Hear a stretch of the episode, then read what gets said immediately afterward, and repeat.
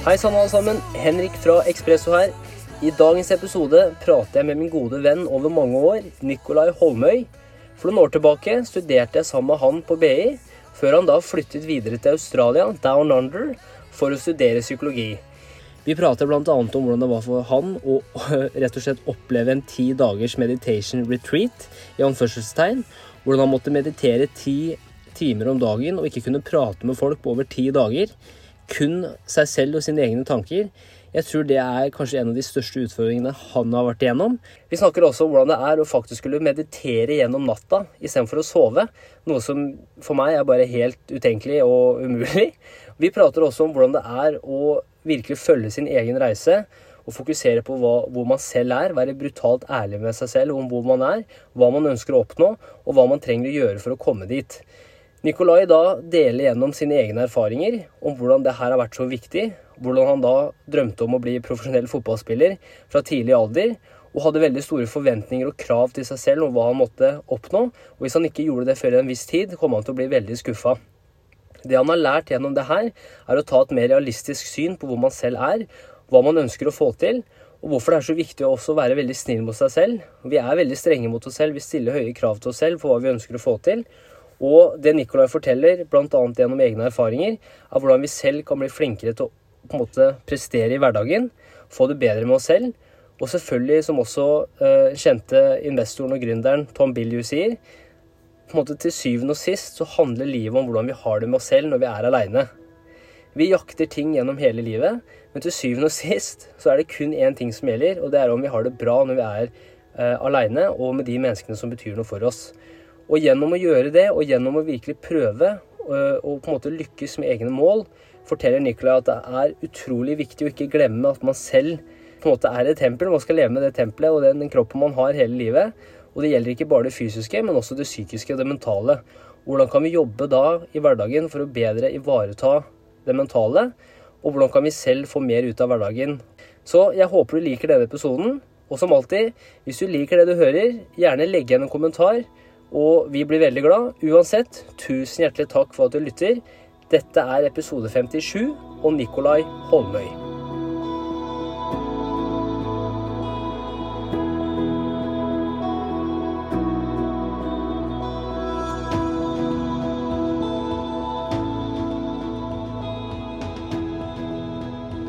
Hallo, Nico. Hei, Henrik. Hvordan går det? Nei, det går helt supert. Nå er jo, eh, Vi har jo kjent hverandre i mange år, men eh, nå sitter vi jo her over nett. Sånn er det blitt i 2021. Du sitter jo down under i Australia.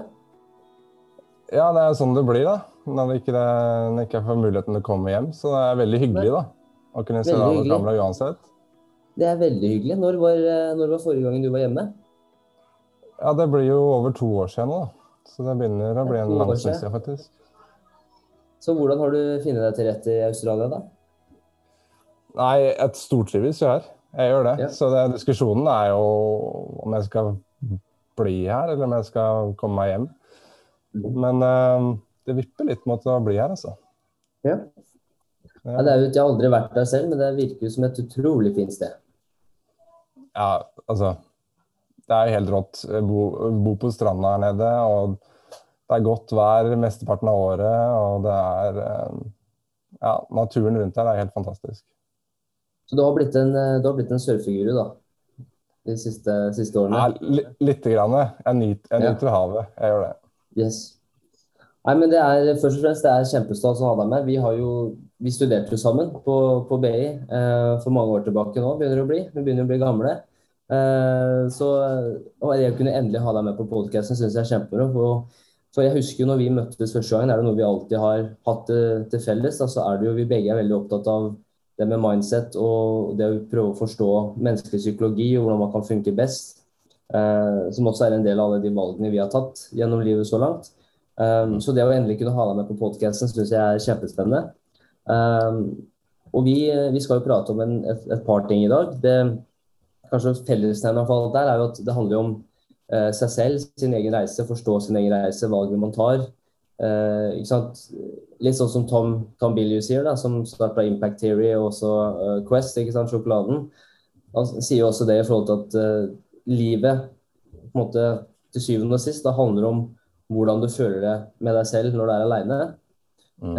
Og det er så lett, men enda så vanskelig, på en måte. Så jeg håper vi kan bli litt klokere på det i dag og, og prate litt om våre egne erfaringer rundt nettopp det her. Da, og så forhåpentligvis vil det være interessant for andre også. Så, jo, takk. Og utrolig gøy å kunne få være med på denne episoden. her. Det er jo, jeg må jo først uh, applaudere deg for uh, alle episodene du har fått ut, og altså, hvor hardt du har jobbet. da. uh, for å komme til dit hvor dere er. Og jeg setter veldig pris på å bli, bli spurt. Og det er veldig stas for meg å få lov å være med på den podkasten her. Det er jo stort for meg.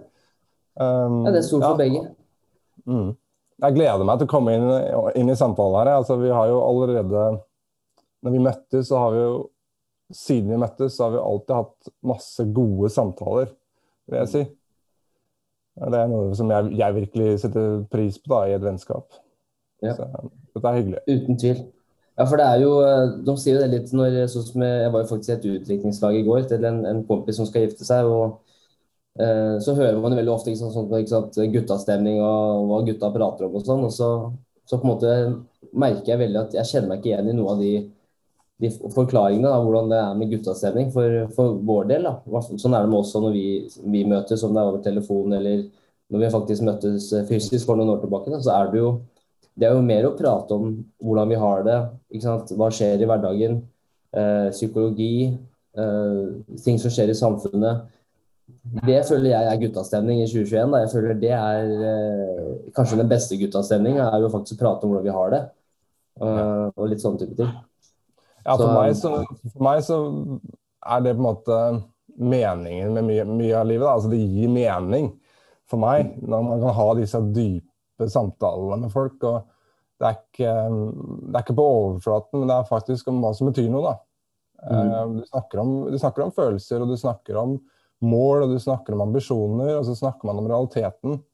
Mm. Eh, hvordan, ting, hvordan, ting, faktisk står til. Da. Og det ja. For meg så gir det veldig mye mening i, i livet. Um, men har det, før vi på en måte hopper inn i det, så det er jo litt interessant å vite, har, altså, har du alltid vært opptatt av det? Altså det med sant, psykologi, hvordan, hvordan, sørge for at man presterer best mulig, på en best mulig måte og får mest mulig ut av hverdagen eh, og sånne type ting? Ja, vet du hva, det, det starta jeg med da jeg var veldig ung. Um, jeg, jeg, kan vel huske tilbake da jeg var tolv år, da begynte jeg den reisen. Da begynte jeg å være veldig interessert i litt sånn det starta jo med mer motivasjonsvideoer og um, hørte liksom på disse inspirasjonsvideoene mye. Og så derifra så både rulla det seg inn til å bli mer og mer interessant. For jeg, jeg sats, begynte jo å satse på fotballen, ikke sant. Og så mm. flytta jeg ut når jeg var 15. Og jeg skjønte jo fort at uh, det mentale, det betyr utrolig mye. Altså, jeg kunne bli så god fysisk sett som jeg bare ville. Men jeg sleit som bare rakkeren med å prestere på banen. Ja. Og så klarte jeg ikke. Jeg klarte ikke å finne ut av hvordan jeg skulle roe meg ned og faktisk prestere.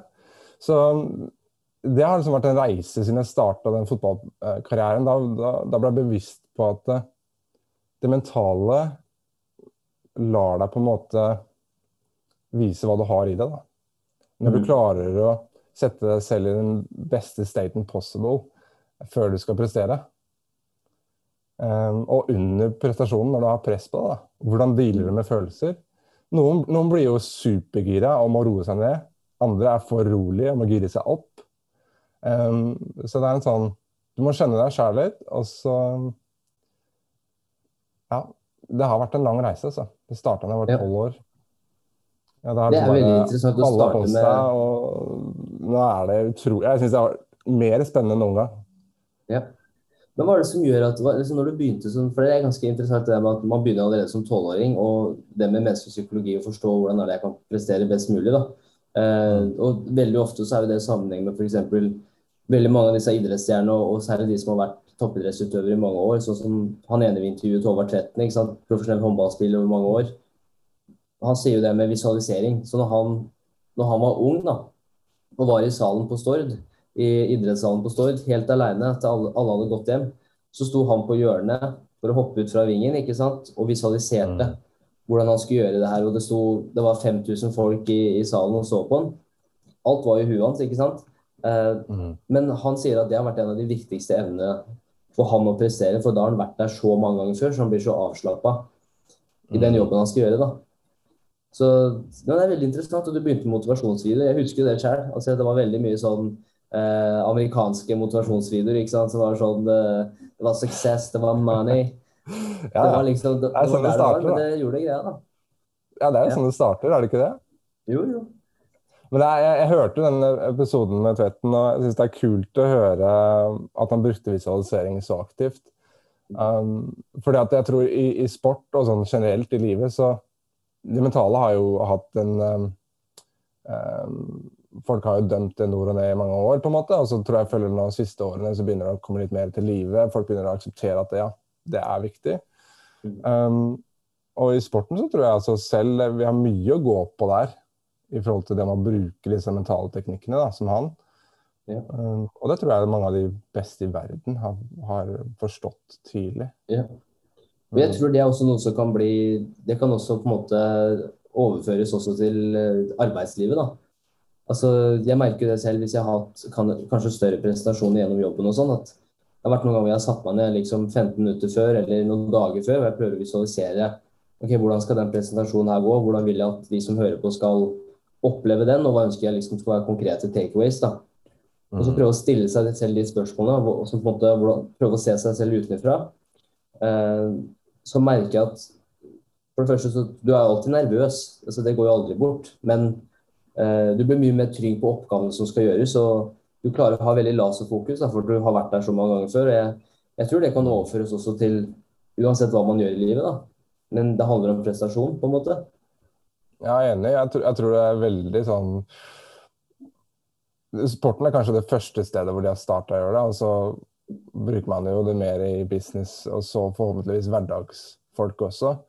Um, som setter seg daglige og månedlige og årlige mål. Um, det er jo teknikker som er utrolig verdifulle for å oppnå ethvert mål, vil jeg si. Ja. Det betyr jo ikke så mye hva målet er, egentlig. Nei. Nei, det er jo akkurat det. Også, så lenge man er på vei et sted, føler jeg da, at man har noe man jobber imot. Um, mm. Og det er jo også veldig interessant når vi har de samtalene her også. så på en måte når man prøver å se tilbake til litt oppveksten. ikke sant? Du begynte med motivasjonsvideo nummer tolv. Du syntes det var utrolig spennende med menneskelig psykologi. Eh, hvordan mennesker fungerer optimalt. Hvordan kan man måte få det meste ut av, ut av det man gjør. da. Eh, men hva slags, For du var jo fotball, du var jo aktivt innenfor fotball. Men hva slags, eh, hva slags tanker og ambisjoner hadde du gjennom da ungdomsskolen og videregående? Ja, målet var å bli verdens beste fotballspiller.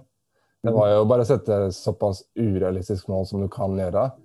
Um, og ja, det var målet. Siden jeg var rundt tolv år, da ble jeg ganske klar på at det var det jeg skulle gjøre. Så da jeg var 15 da, så flytta jeg ut hjemmefra um, til Sandefjord med to kompiser og begynte å spille på juniorlaget til Sandefjord. Um, og da var det eneste som var i huet, det var å bli den nye Steven Gerrard. Det var, liksom, det var drømmen. Mhm. Men uh, jeg hadde jo det største problemet mitt uh, under den perioden var at jeg, tenkte jo veldig stort. Mm. Men jeg aksepterte jo ikke hvor jeg var hen. Det var jo um, alltid leve i framtiden. Så um, problemet var at jeg, jeg klarte jo ikke å roe meg ned. Jeg klarte jo ikke å forstå at jeg må bare ta ett steg av gangen. Um, så jeg endte jo opp med å føle at jeg måtte spille som Steven Gerrard når jeg var 16-17 år. Og hvis ikke jeg gjorde det, så var jeg på en måte um, hadde jeg jo feila. Da hadde jeg jo Det var jo veldig sånn fixed mindset. Det var jo sånn Ja, hvis ikke jeg skårte eller skårte hat trick liksom, i en kamp, så var det liksom Det var ikke godt nok. Ja. Uh, og, og det, som, det, resultatet var da, at da spilte jeg jo ganske dårlig isteden. For jeg var nervøs. Følte at jeg, hadde spytta såpass mye press på meg sjæl at uh, jeg klarte ikke å roe meg. Jeg klarte ikke å prestere. Ja. Hvorfor, hvorfor, tror du man får sånne på måte, si, større tanker da, som man må, man må levere på? Hvis ikke så er det verdens undergang. For det, alle får jo det innenfor måte, uansett hva de driver med. så er det veldig, Særlig når man er yngre, så tenker man liksom at hvis jeg ikke får til det her Det kan være så enkelt som en eksamen. ikke sant? Hvis du ikke får til en mm. eksamen, så tenker du at nå er det verdens undergang, jeg er helt ubrukelig. Mm. Og liksom, er det noe som du tror er vanlig med vår generasjon, fordi at vi, vi legger mye press på oss selv som, som, eh, som generasjonprestasjon, eller tror du det er noe som bare er vanlig med mennesker? At man hele tida ser man ser fram til neste mål. Når jeg får til det, så blir det bra. Når jeg oppnår det, da blir jeg glad. Så er det bare et hamsterhjul. Og så bare fortsetter du å løpe, og så plutselig er du 70 år og bare sånn Når jeg får lov til å gi pensjon til barnebarna mine, da blir jeg fornøyd. At det, at det bare er en ond sirkel, da.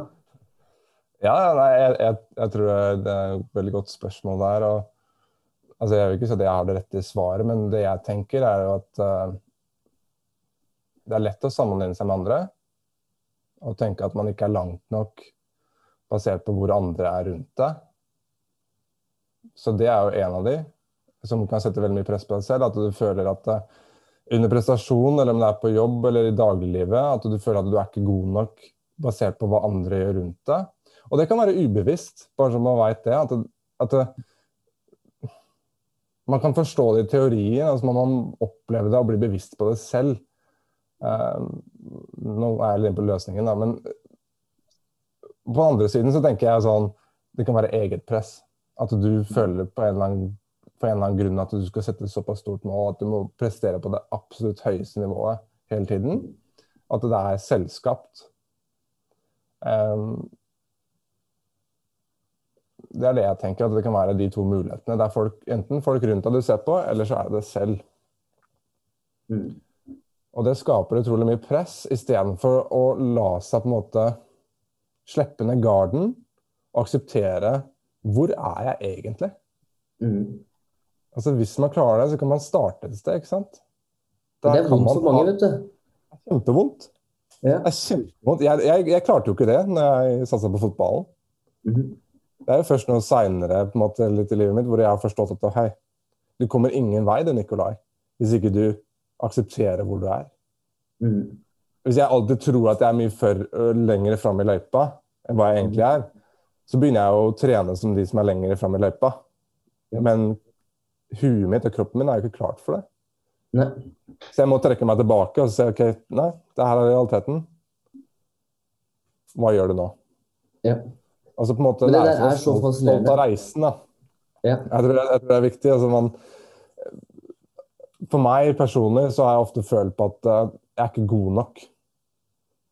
Ting er ikke bra nok. Um, å lære seg å bli stolt av hvor man er, det tror jeg er vanskelig.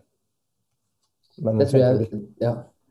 ja. det tror jeg er veldig vanskelig. Det, og det syns jeg er så fascinerende, for det er veldig litt det vi snakka om. At man lever i framtida, man ser på forbildene sine, man ser på rollemodellene sine, og så tenker man det de gjør i dag, måte, må jeg, jeg må være der de er i dag. Uh, og, og, særlig når man snakker også da om suksess. ikke sant, typisk da, så Suksess er jo ofte forbundet med penger, materialistiske ting. Uh, du skal ha større hus enn naboen. Jeg pleier å snakke om at du skal ha større hage enn naboen. Finere bil enn naboen, finere dame enn naboen, finere mann enn naboen, sikkert. For, for det også. Eh, og det er jo veldig sånn Det man glemmer, da, tror jeg i hvert fall, er at når man snakker om suksess, så det som er veldig utfordrende, er at man hele tida forbinder det med noe som eh, på en måte er så upersonlig. Da. Det er ingenting som er fra menneske til menneske, og alle er forskjellige. Alle har forskjellige reiser, eller alle har forskjellige på en måte, suksesshistorier. da. Um, og så er det å tørre sant, som du sier, være ærlig med seg selv. Hvor er jeg i dag?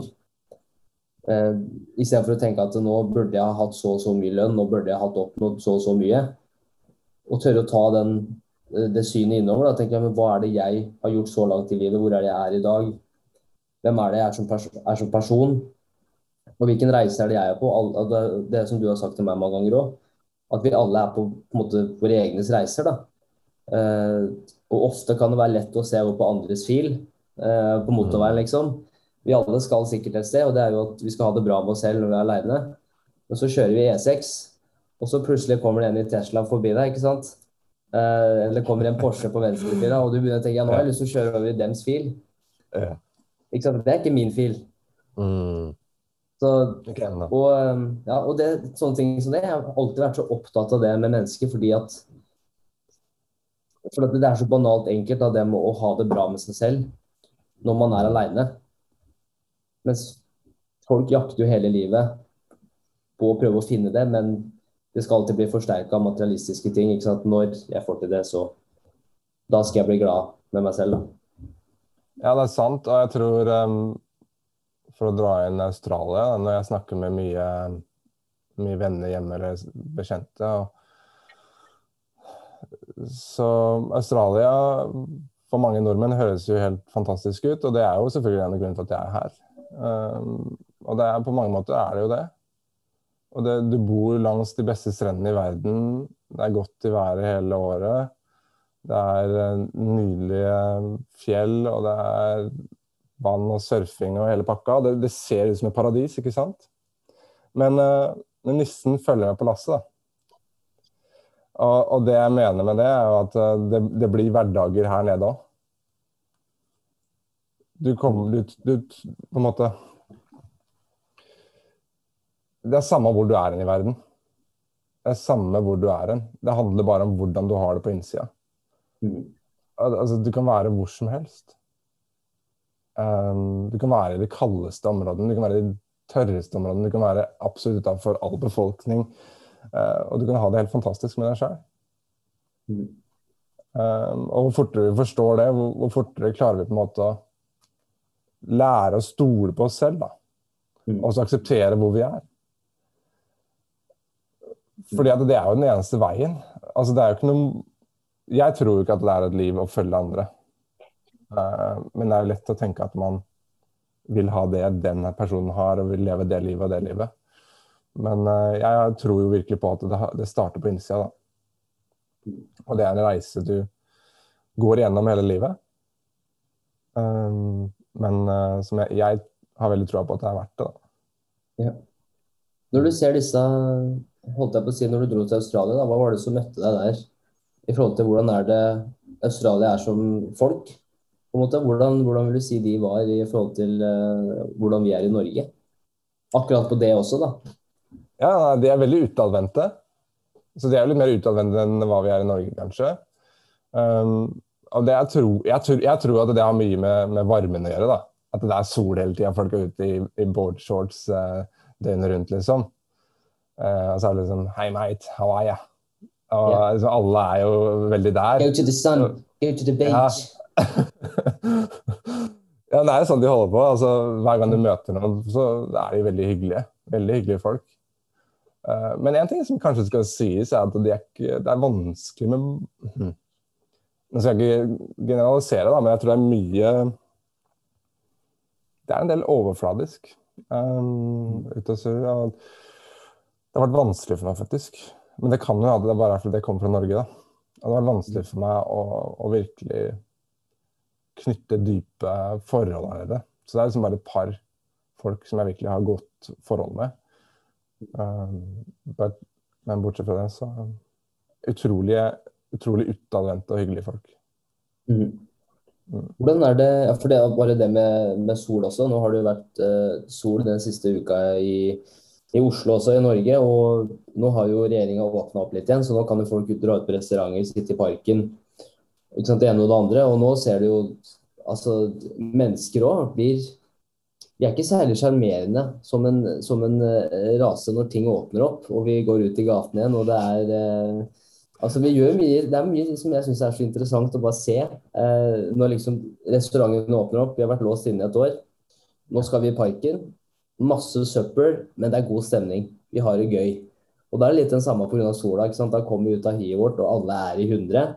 Det må selvfølgelig til 15 eh, øl før vi begynner å prate og før vi er i god stemning, men nå har vi det bra, ikke sant. Så det, det med sola tror jeg har veldig mye å gjøre. Ja, Det er jo fantastisk å se i Oslos gater da, hvordan folk bare ender opp eh, overalt på bakken når sola er ute og skinner. Det er, det er, fascinerende, altså. Det er, det er helt fascinerende. Så når man kommer ut av den vinterdepresjonen, så skjønner jeg selvfølgelig at da blir det, blir det hæla i tak og tenna i tapeten. da. Uh, Nei, det, altså, det, skal sies at det er utrolig deilig å være i sola. Altså, jeg føler at det er mye energi når du har sol hele tida. Um, så det, det setter jeg skikkelig pris på.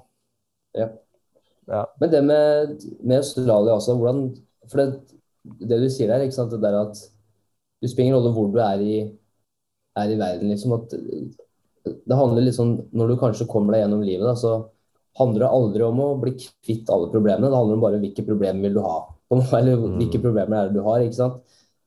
Og hvordan er det eh, australiere ser på på en måte nettopp det her med liksom livets reise, da, i hvert fall de menneskene du har møtt, i forhold til liksom, er, det noe, er det noen form for generasjonprestasjon der? Er, er, det noe, liksom, er de veldig opptatt av eh, på en måte at de skal komme seg opp og fram, eller er det mye mer laidback i forhold til hvordan de lever livet? Vi tar det som det kommer, eh, osv.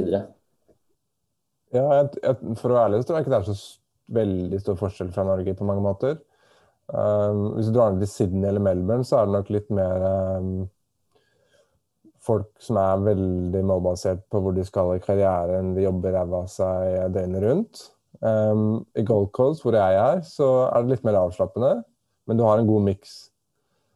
Så um, jeg føler at det er ganske likt som i Norge, altså. På mange måter. Ja. Det er, um, det er mange som er ambisiøse, og så er det mange som ikke er ambisiøse. Ja. Um, noen som bare nyter livet, på en måte. Ja. Mm. Men det er veldig altså det, det, du, det du nevnte i stad, at når du dro til Australia, så når man tenker på Australia, så tenker man hvite strender, man tenker surfing, man tenker fine landskap, man tenker varme.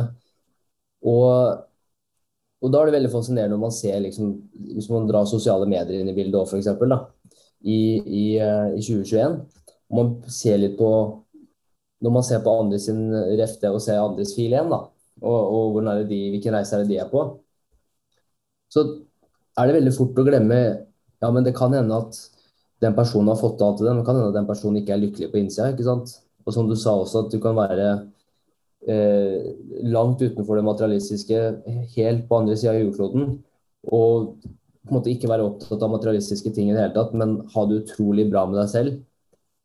Eh, og jeg tror jo at for oss, da, så er det kanskje veldig vanskelig også å tørre å ta de samtalene med seg selv. Liksom, hva er det som er viktig for meg? Og jeg tror alle, de aller fleste også har veldig utfordringer med å sette seg ned og være veldig transparent og ærlig med hva er det som betyr noe for meg, da? Og hva er det jeg har gjort så langt i livet, hvor er det jeg er i dag? Um, men så er det jo veldig mange som bruker på en måte hva skal man si, kontraster da, av erfaringer. Uh, så f.eks. han ene vi intervjuet, Mathias uh, Ekornås også, han er en eventyrer. Uh, tidligere befalet mitt i Forsvaret. Elsker å reise rundt, elsker å utsette kroppen for ulike farer. Vært på ekspedisjoner. Himalaya, eh? Mount Everest, Basecamp. Og det han også sier, er på en måte at det er ikke nødvendigvis alle de ekspedisjonene og sånn som gjør livet verdt det, men det er de kontrastene. Det er den følelsen av å komme inn etterpå. ikke sant? Inn i varmen og føle at du har gjort noe som er litt større enn deg selv, da, som krever litt. Um, og det drar meg også på en måte inn i jeg føler jeg vil, På neste tema, da, som også du har vært veldig opptatt av, er jo disse kontrastene. ikke sant? Det å utsette seg selv for utfordringer, føle på mestringsfølelse. Uh, også liksom reflektere over det i ettertid, og hva er det jeg har fått med meg, hva er det jeg har tatt med. da. Um, som f.eks. et maraton for veldig mange. Det er jo ikke bare at du løper i tre timer, men det er jo også at du blir kjent med deg selv. ikke sant? Hvordan er det det er når du er nede i kjelleren? Uh, som kan overføres til andre ting. da. Um, og det jeg tenkte vi kunne tørste litt innom, da, at du har jo akkurat kommet tilbake fra en kajakktur. Hvor du har vært alene i flere dager. Hva, hvorfor? Ja, hvorfor? Det er, um, det er et godt spørsmål. Jeg, jeg gjorde det litt sånn um, basert på instinkt. Altså, jeg, hadde, jeg trengte litt tid for meg sjøl. Og, og, så fant jeg dette målet, at jeg skulle gå ut og um, Jeg forsto at det var mulig å, å campe med en kajakk og padle til paraier. Så tenkte jeg ja, hvorfor, hvorfor prøver jeg meg ikke på det, liksom? Fordi jeg jobber jo også som turguide uh, på si. Og um, jeg hadde tilgang på kajakk. Og så tenkte jeg hvorfor pakker jeg ikke bare den kajakken full av eh, telt og madrass og, og alt, litt mat og klær, og så stikker jeg av gårde for et par dager. Så da gjorde jeg det. Så da, da dro jeg Det blir vanskelig å forklare hvor det er, da, for jeg tror ikke det er så mange som er kjente med Åh, er det ligger det rett, ved, er rett ved siden av Gold Coast? Ja, der. Ja, ja, ja. Ja, jeg fra den ene siden til den andre siden av Gold Coast. Ja. Men jeg kan jo Altså, det tok meg Jeg starta på en liten, litt på innsiden av en elv, basically. Og så padla jeg meg mot sjøen uh, til to øyer. Og da var det bare meg og kajakken uh, og mine tanker i syv-åtte timer fram til første sted hvor jeg skulle campe. Og da var det bare å starte. En, eh, et tak av gangen, på en måte, og padler opp der. Eh, og huet mitt på det punktet er vel egentlig ganske Går ganske 100, altså. Og det tror jeg kanskje mange føler på sånn i hverdagen, at det, at det er mye sus rundt hele tiden. Da. Det er mye støy. Så jeg følte at huet mitt var egentlig bare, bare egentlig ett. Og ting var egentlig sånn normalt, som det blir noen ganger. Og så padler jeg og så padler jeg, og kommer opp til første campen. Slår telt der etter syv-åtte timer. Og så begynner det å hølje ned med regn. Um, og da klarte jeg så vidt å få opp teltet før det regnet, regnet kom, og satte meg inn i teltet og ja, nøyt litt tid aleine i regnet. Og så, når regnet hadde gått over, så fyrte jeg bål, og jeg begynte å kose meg sjæl skikkelig. Jeg var helt på, på egen hånd. Og så kommer natta, ikke sant. Og da begynner jeg å bli redd. Altså sånn Jeg har ikke vært ute og campa mye på egen hånd før, så det her er jo, på en måte, det her er jo første gang jeg camper på egen hånd. Jeg har campa før, men ikke på egen hånd. Um, så jeg kommer til at faen, det er ingen rundt meg. Jeg er på liksom, en øy i Australia. Hva er det jeg driver med? Um, så da, da endte jeg vel opp med å sove tre timer, tror jeg. Og så våkner jeg dagen etterpå, og så er det bare fantastisk å se rett ut av teltet. Det er bare eh, speilblankt på vannet, og sola kommer opp.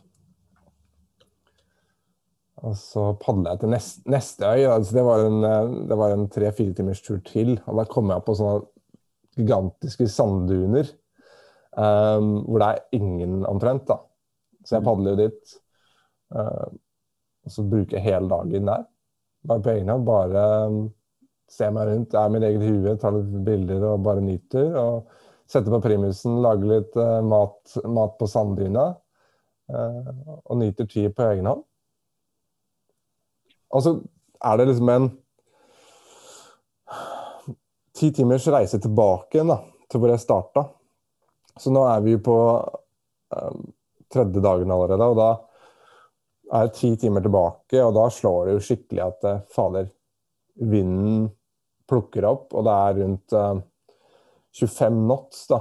Hvor mye blir det på i kilometer i timen, da? Sånn Skal vi se, det kan jeg søke opp her med en gang. Skal vi se, 25 ja, ja. knots. Det er såpass, ja. 46,3 km. Det er ganske mye når du sitter i en kajakk. Det er altfor mye. Ja. Så, og det kommer, det kommer, i motvind, ikke sant. Eh, og I tillegg så er det to meter like, sånn, sånn, tidevann som kommer mot maset, så vannet kommer inn. Eh, og da var, da var, det surt. Da var det skikkelig ja. surt, da. Um, og da var det sånn Skal jeg bare gi opp og bare slå camp halvveis på vei hjem? Um, og så begynte jeg, jeg fortsatte litt, jeg tok meg en liten pause. Så fortsetter man, og så ser man liksom langt framover, så ser man på en måte ett sted man har vært før, og så tenker man OK, den øya der er ikke så langt unna hjemreisen. Så tenkte jeg OK, jeg sikter mot den. Sakte, men sikkert så krabber du deg dit. Um, og så når jeg kommer nærmere den øya sånn etter sånn altså det er sånn, Du tenker deg, da, hvis ikke du har sittet i en kajakk før Ti timer i en kajakk, du sitter bare på ræva di i ti timer og, og padler. Og det er samme tempo som å gå. Mm. Så det går veldig sakte. Altså Når det er i såpass mye motvind også, så går det vel uh, som å gå baklengs. Er det bra det trening for, uh, for, skuldre, armer og rygg? Er det, sånn at, er det såpass på en måte påkjenning at du, du, kjenner det som en litt sånn lang ryggrøkt? Eller er det litt sånn du bare flyter på vannet, at det er nesten litt mer som å bare gå rolig? Nei, det er, hardere, det er mye hardere enn å gå. Um, ja. Du merker det du skal, ikke, du skal, ikke, merke det for mye på skuldra. Da Da bruker du skuldra for mye, så du skal bruke litt mer core. Og så bruker du ryggen en del, så latsa, for en god trening. Um, Så det er en påkjenning. Det er det, altså. Men det, det som var litt sånn Ja? Nei, jeg skal si, Når du sitter i en, en kajakk i ti timer og altså på, på rumpa der og, og, og padler, padler deg framover minutt for minutt Det er jo Vi snakka om det før vi begynte her nå, at det er en utrolig Jeg vil si det er en veldig, veldig bra metafor på livet generelt. Da. Altså man, man sitter i sin egen kajakk. Eh, og på en måte Litt det med tankene. Altså hvordan, hvordan holder du tankene i sjakk når du er så mye aleine, da? For, det, for de aller, aller fleste. Eh, I dag så har man jo en telefon som på en måte er ved din side hele, hele tiden. At du får alltid stimuli hele tida. Impulser hele tida. Så hvordan er det på en måte å sitte i så lang tid og eneste impulsene du har, som selvfølgelig sier seg selv, det er jo helt fantastisk landskap, ikke sant, det du ser rundt deg, men hvordan er det? Det som var litt fascinerende for meg, var egentlig at det tok tid før huet mitt roa ned. Um, det tok to dager, altså. Mm. To dager før huet roa ned. Jeg ble, sånn der, jeg ble sjokkert. Sånn, to, to dager. Jeg trodde jeg bare tenkte å meditere tre minutter, og så var det greit. liksom. Altså, greit. Men hva tenker du på da? Hva er det som går gjennom, eh, går gjennom huet ditt når du, når du, er der ute de første to dagene? Nei, det, det er mye, da. Som jeg sa, så begynner du på, på begynnelsen, så er det mye som surrer, og så For meg så begynte det på siste dagen, så begynte jeg å tenke litt mer sånn Da begynte jeg å tenke på reisen, den lille tredagersreisen her som um, Det føltes ut som å leve et helt liv da på tre dager. Og som du sier, så går det veldig mye opp og ned. Og um, du har perioder hvor ting kommer som er helt fantastisk, hvor solnedgangen treffer, og det er bare blikk stille på vannet. Og så har du perioder hvor det er um, 46 km med vind mot deg, og livet er surt. Og du har bare lyst til å gi opp. Og sånn tror jeg det er på en måte i livet sånn generelt. Du har dager hvor du er La oss bruke den fine dagen da, som du har dager hvor du er utrolig motivert, og ting går på en måte din vei. da. Og så har man kanskje mer av de dagene hvor ting er sånn average. Og så har man en del dager som er skikkelig surt. Uh, og så tror jeg på en måte Nøkkelen i det der er jo på en måte å, å klare å fortsatt tråkke seg fram, uavhengig av hvordan dagen er. Så hvis det er en skikkelig drittdag, så betyr jo ikke det at du skal sitte og se på Netflix hele dagen. Ja, du må, du må være selvfølgelig Du må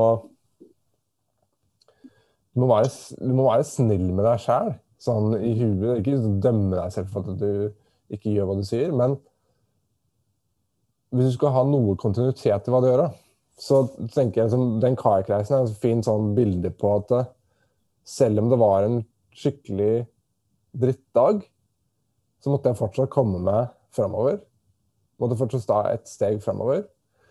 Um, og så når det er bra dager, så er det bra dager. Da glir det. Da er liksom vannet superklart. Du kan se ned tre-fire meter, og, og, det er delfiner rundt deg. Um, jeg hadde, når jeg starta reisen, så, når jeg hadde reise, reisen, så var det tre delfiner som kommer rundt kajakken min.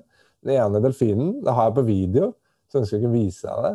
Um, den svømmer under kajakken min, og så ser den faen meg opp på meg, og så ser den videre. Ja, Sånn det får du sende til meg, for det kan vi dele. vet du. Vi kan, dele, vi kan jo gjøre det i en sosial mediekanal uansett. og Kult å dele litt sånn fra historiene vi forteller. da. Ja, det er jo, men det er jo litt sånn, det må være noen øyeblikk når du, i hvert fall når du kommer fra lille Norge. For det er jo mm. veldig, veldig hva skal man si, altså Det er et helt annet scenario enn det man har vokst opp med i Norge. ikke sant? Man står på ski i vintertiden, man er på stranda i Norge på sommertid. Plutselig så er det delfiner, du padler i kajakk.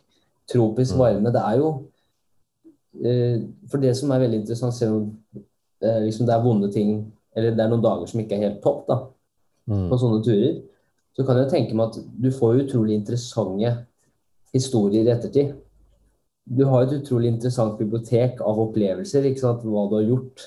Uh, og det er jo flere ting som vi skal prate om også, men i, i forhold til sant, det du gjorde for to år tilbake også uh, det, å, og det høres kanskje For noen så er det sånn ja, ti dager på meditasjonsretreat. Folk tenker ja, OK, det klarer vi. Det var ikke noe retreat, for å si det sånn, da. Ja, ikke sant? Og jeg har hatt flere kompiser som har gjort det, enten det er i Norge eller når du dro til England, eller som du også er i Australia, Mm. som er sånn Det er ti dager i måte full isolasjon da, med seg selv. Ikke sant? Og det er hardt. Eh, hva, hvor- Hvorfor, og hvordan? Hvordan var det? Um, jeg tror på en måte grunnen til at jeg valgte både den kajakturen her og den meditasjonskurset, det var um, Det er jo det er en sånn derre Litt sånn intuitivt i meg, tror jeg, at uh, jeg er nysgjerrig på, på å finne ut mer om meg selv og på, på å gro personlig, da. Men den, den tidagers meditasjonsretreaten um, I anførselstegn. Yes. ja, ja. Det var ikke noe retreat, da, for å si det sånn. Det, det var um, beinhardt. Det er vel det, hei, det, det hardeste jeg noen gang har gjort i hele, hele mitt liv, tror jeg. I lange 26 år liv. Ja. Så um, Nei, det, det var hardt, det kan jeg si deg. Det var, uh, det var ikke noe telefon. Du hadde ikke lov til å bruke medisiner. Ikke noe nesespray engang, som jeg var avhengig av. Ikke noe ecstasy på gutten eh, i Australia. Det ble synd. Ikke nesespray. Det var liksom, det var liksom der, fader. Den er kjent. Jeg bare kødder. Og så Og så var det ikke lov å snakke. Så du er på camp med rundt ja, det er vel kanskje 15-20 stykker. Så du Um, prata da- ikke på ti dager? Du har ikke lov til å prate med noen på ti dager. Du har ikke lov til å se hverandre i øya. Det er, litt sånn, det er veldig strict, og du, du skiller til og med på, på gutter og jenter. Så du har egne små, eh, små sånne hytter som du sover i. Og så starter dagen tidlig på morgenen, så det starter um, klokka ja, fem, tror jeg. Klokka fem så måtte du våkne opp. Um, og så er det morgenmeditasjon på en time. Og de meditasjonsøktene gjør vi sammen i et sånt rom. Og du sitter bare på, på et um, teppe. Um, og du skal sitte med beina i, i kors, ikke sant? En skikkelig lotusstilling. Um, og det går veldig fint for de fleste på 30 minutter. Men etter 30 minutter Og målet er på en måte Målet er å ikke røre på seg i 60 minutter. da. Um, du skal la smerten komme, og så skal du ikke dømme den. Du skal prøve å la smerten komme, og så la den gå. Det er liksom det basice. Um, så etter 30 minutter så begynner folk å liksom Du kan se folk begynner å røre på seg litt, og det er litt sånn derre ah, De begynner å prøve å røre på knærne. Alt begynner å verke, ikke sant. Så det er bare rett eh, Det er vondt. Og så har du en liten frokost klokka rundt åtte. Og så er du tilbake inn og meditere klokka ehm, ti. En, en time til. Og så gjør du det fire ganger til i løpet av dagen. Nei, ja, fire ganger til i løpet av dagen. Og så får du bare litt Du får te og et eple eller noe sånt på ettermiddagen. Så that's it. Så nesten ikke noe mat heller. Um, og så ender du opp med å med, måtte meditere mellom ja, rundt fem timer på egen hånd i hytta di også. Så det ender opp med å bli sånn ti timers med meditering da, i løpet av dagen.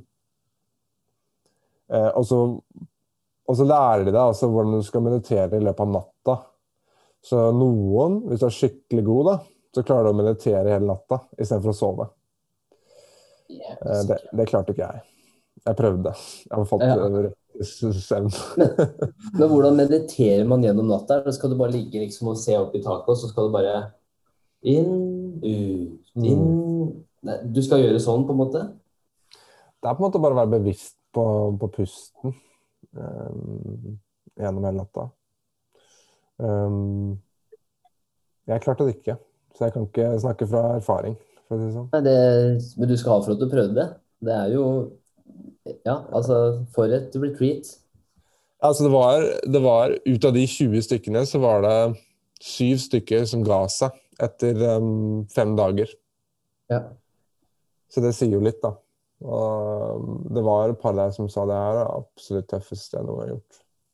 Og, Men hva- Hva sitter man igjen med etter en sånn, en sånn eh, på en måte erfaring? Hmm.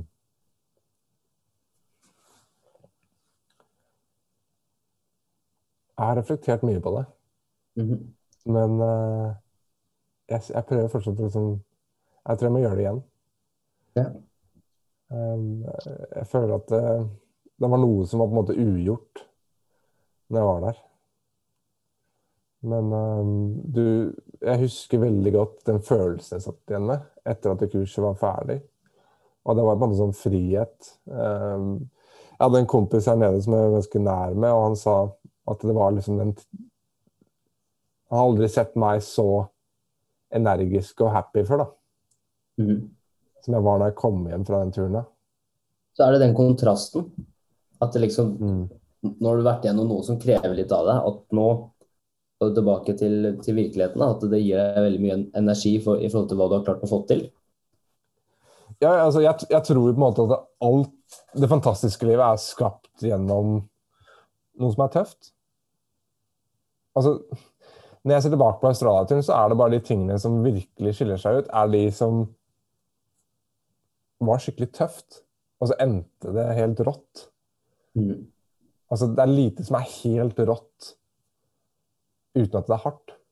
Mm. Og det er på en måte det kanskje jeg sitter igjen med. At eh, den, den campen der, den retreaten der, den eh, Den kommer jeg aldri til å glemme. Jeg vil huske hvor vondt det var. Og så kommer jeg gjennom den, og så tenker jeg Faen, jeg klarte det. Jeg klarte det søren meg. Mhm. Um, og så og så lærer man på en måte å, høre på seg selv da, underveis. Så, det, er jo, det er jo bare med deg sjæl i ti dager. Så det er veldig spesielt. Jeg vil absolutt anbefaler det folk, men uh, hvis, de, hvis de ønsker en utfordring. Ja. ja, for det er jo Du kan jo Jeg ser jo det selv. altså Jeg tar meg selv og gjør det også. Hvis jeg f.eks. Skal, skal til jobb, og så går jeg til heisen, ikke sant? og så trykker jeg på heisknappen. Heisen er der om fem sekunder. Ikke sant? Jeg skal på jobb. Går ut av døra hjemme, trykker på heisknappen, og så, etter jeg har trykka på den Her kommer den, vet du. Revolverhånda, som jeg kaller den. Rett ned i eh, bukselomma. Opp med telefonen. Ikke sant? For å få den impulsen. For de aller fleste ikke? De, de sliter jo med en gang. Bare de står i kø på butikken. Som sikkert veldig mange har kjent på de siste, de siste månedene. Når det er kø på Vinmonopolet. Det er jo flere 200-300 meter kø på Vinmonopolet. Alkoholen skal de ha, ellers så blir det ikke noen sosial sammenkomst. Eh, og da har jeg også liksom, sykla forbi eller jeg har gått forbi, eller hva det har vært for noe, så, så ser du på en måte at de tar opp telefonen, alle står på telefonen. Mm. Og da kan du tenke deg selv ti dager uten noe stimuli på den måten, da. Jeg skjønner at det der er, eh, at det der er vanskelig, for å si det sånn. Ja, det, altså for meg så Det er, det er morsomt, da. At det, det er sånn det er blitt, på en måte. At det er normen. At vi er såpass um, jeg, jeg føler at vi ofte er veldig busy da, i huet, og alle har godt av på en måte å være ute i naturen og være for seg sjæl i en periode. Mm. Så um, det var litt sånn derre Mange spurte meg om hvordan klarte du måte ikke si noe ord på ti dager. Um, og det syns ikke jeg var så veldig vanskelig. Da. Jeg syns det, var måte, det var greit. Um, og telefonen syns jeg egentlig var deilig. Jeg har alltid vært litt sånn Jeg har alltid likt å legge fra meg telefonen når jeg kan. Men det vanskeligste var um, smerten, altså. Og, og det å lære seg å ikke dømme.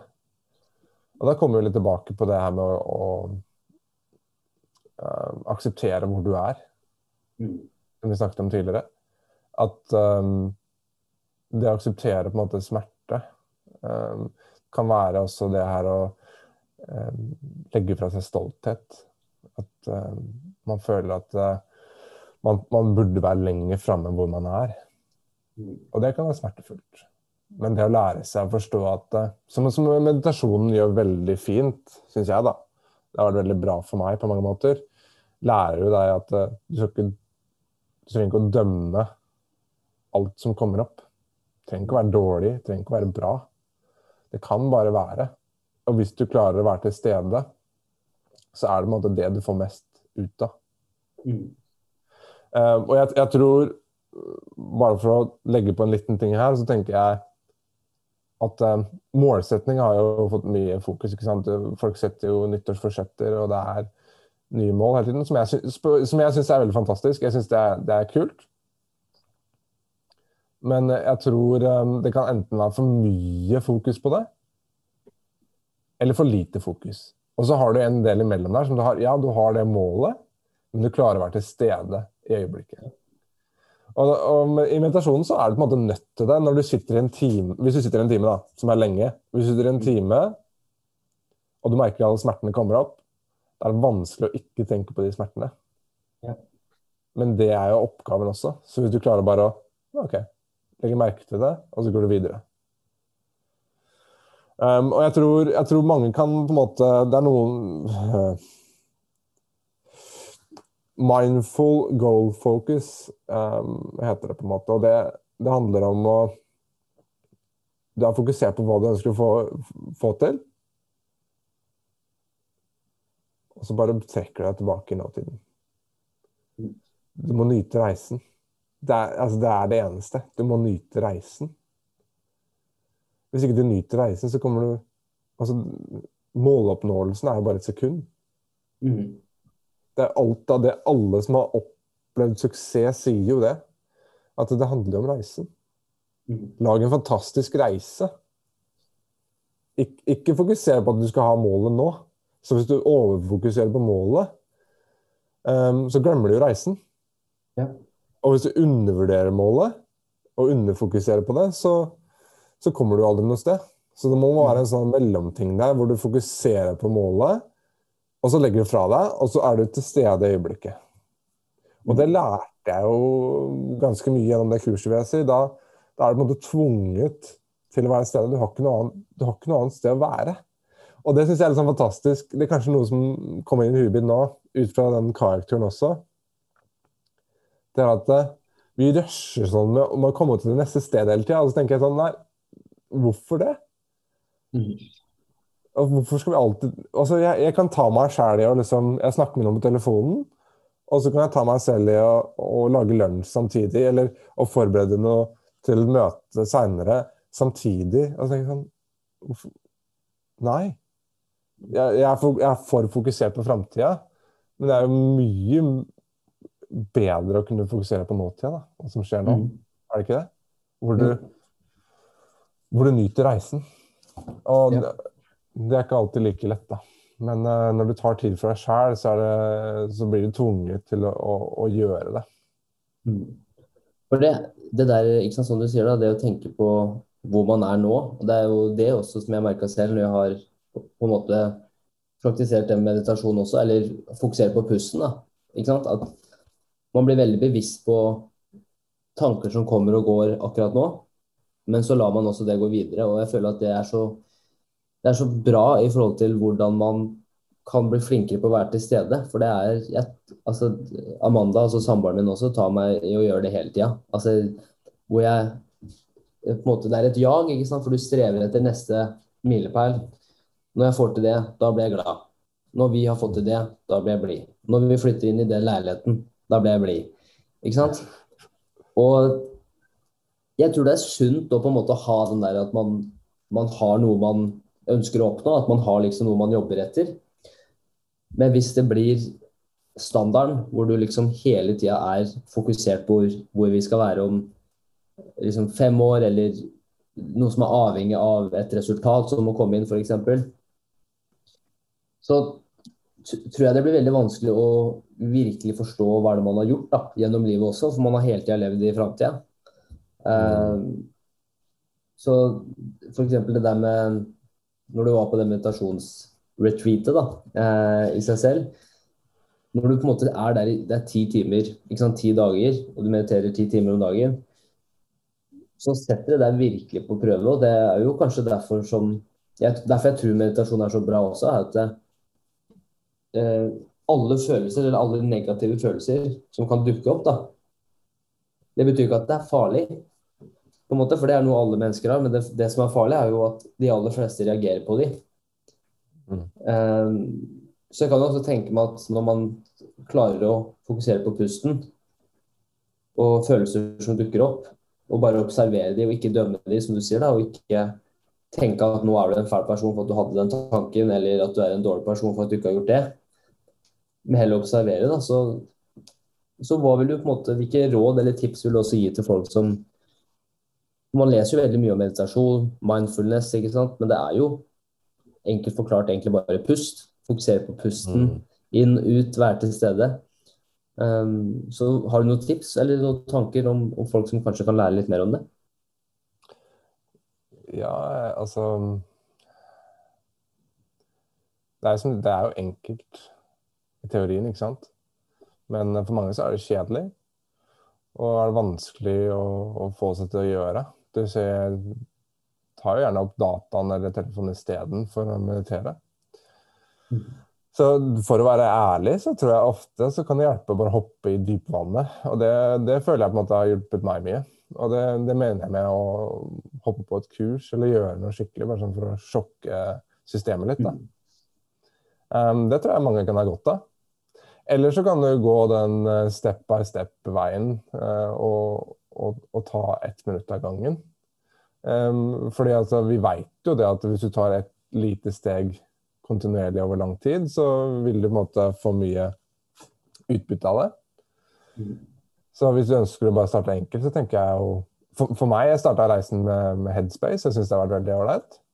Ikke noe reklame, altså, men uh, det, det, har vært veldig bra for meg. Produktplassering, ja. Nei, men det, altså, det, det, er veldig enkelt, for det er liksom en guide der som bare følger deg og forteller deg hva du skal gjøre. Og det, det funka veldig bra. Og så var det bare meg. Jeg vet jeg følte at okay, jeg, trenger, jeg er lyst på en skikkelig challenge, og da valgte jeg å ta den tidagerskurset, da. Så tips er enten hoppe i dypvannet eller ta steg for steg. Start smått. Mm. Ja, men det er kjempe. Jeg har selv også brukt Calm, den andre meditasjonsappen. Jeg syns det, ja, det, det, har funka kjempebra. Um, og så er det ikke sant, bare det der å Og det er så interessant det òg, i forhold til at ti minutter er jo ingenting, ikke sant? Men i løpet av en dag så er det så fascinerende hvor ti minutter føles som så mye at du liksom Nei, det har jeg ikke tid til. For nå, nå må jeg jobbe, eller nå må jeg på en måte få, få inn en treningsøkt, eller nå må jeg spise ja, middag. Derfor er så viktig, ikke sant? Ikke sant? Og, og da begynner jeg å lure liksom, det er 24 timer i døgnet. Og hvis man fokuserer mer og mer på hva er det, eller mer på output, da, hva er det jeg ønsker å få ut hvis det er jobb, f.eks. Jeg ser jo det selv òg, at jeg kan jobbe seks timer og få til det samme som jeg skulle gjort hvis jeg jobber åtte-ni. Eh, ikke sant? Og bare det med tid også, det å være mer bevisst på hvordan man bruker tida si. Eh, da er ikke ti minutter så mye. Og eh, Nei, så Men nå, Nico, nå er vi snart oppe Det er veldig fascinerende, og, nå er vi jo snart oppe på timen også. Um, ja. Så det vi, har, altså, vi kunne prate i evigheter. Uh, og jeg syns det er Dette er så viktig, da, kanskje viktigere enn noen gang for oss og vår generasjon. og Du ser jo bare det med psykiske Noen kaller det lidelser, men jeg, jeg, mener det egentlig bare er det å være menneske. At det kommer veldig fram pga. sosiale medier. Alle har utfordringer. ikke sant? Alle har noe de sliter med. Uh, og tanker generelt. da. Mm. Og jeg tror, jeg tror rett og slett det å prøve å praktisere sant, meditasjon eller det å være mer til stede i øyeblikket, jeg tror det kan kurere utrolig mye eh, hva skal man si, psykiske utfordringer. da. Fordi at mm. man lærer å bli bedre kjent med seg selv. Um, og de som måte pleier å være med på podkasten, de sier jo det, at det er som å være en hobbypsykologtime. Uh, bare fordi at man, man, prater om så dype temaer, men samtidig på en veldig avslappa måte. Da. Så ja. da er jo oppfølgingsspørsmålet hvordan har det vært for deg? Har det vært gøy? Ja, det er fantastisk. Jeg syns jo alltid sånne samtaler som dette her er helt rå, da. Ja. Som jeg sa liksom innledningsvis, jeg, den dype samtaler for meg betyr jo jo mening i livet mitt. Så jeg syns jo podkaster er helt eh, fantastisk. Ja. Mm, så det, det, det, er gøy å få lov å være med på Ekspresso-reisen. Det syns yes. jeg er gøy. Det er stas å ha deg med. Og jeg vet jo også at dette blir ikke siste samtalen vi kommer til å ha eh, på podkasten heller, hvis du ønsker å være med igjen. Ja, det hadde vært helt rått. Ja. Jeg tenker vi kunne hatt en sånn der, eh, hvis du vil etter hvert også, hvis vi får mulighet til det, kanskje hatt en sånn sånn månedlig spalte, eller sånn uh, hver femte uke, hvor vi bare setter oss ned og så prater vi om hva har skjedd siden sist. og uh, Kanskje hva som skjer i mediene og sånn også. og så Ha en diskusjon og samtale rundt det. Jeg tror det kunne vært kjempespennende. Ja, det kunne vært veldig spennende, faktisk. Jeg hadde ja. hatt veldig lyst til. Mm. Kult. Det var gøy. Så Nico, jeg tenker jo altså takeaways fra denne episoden her er jo rett og slett det å Altså det spiller ingen rolle hvor man er i verden. Mm. Eh, det handler om hvordan man har det med seg selv når man er aleine, og hvordan man kan forstå at man er på sin egen, egen reise, sin egen eh, veifil på motorveien. Det er ikke vits å se på, uh, se på naboen eller Teslaen eller Porschen som kommer på sida. er alle er på sin egen reise, og man må finne ut hva som funker for seg. Uh, og selvfølgelig meningen med kontrast. Kontraster, det å liksom gjøre det lille ekstra for å så føle at man har, litt, man har oppnådd noe. Da. Eh, og det trenger jo ikke være materialistiske ting, men det kan være å være aleine i skogen i fire dager. Dra på meditasjonsretreat, for det er jo de største utfordringene. Mener jeg, da, å, å, tørre å utfordre sin egen kropp og sjel for noe sånt. Mm. Så har du noen siste, siste gode ord før vi avslutter dagens episode? Ja, lær å stole på deg sjøl. Det tror jeg liksom er For meg så har det vært utrolig viktig, i hvert fall hvor jeg reiser nå. Stol, stol på deg sjøl, og det starter med å se innover. Som jeg snakket, med, som jeg snakket om nå gjennom episoden her.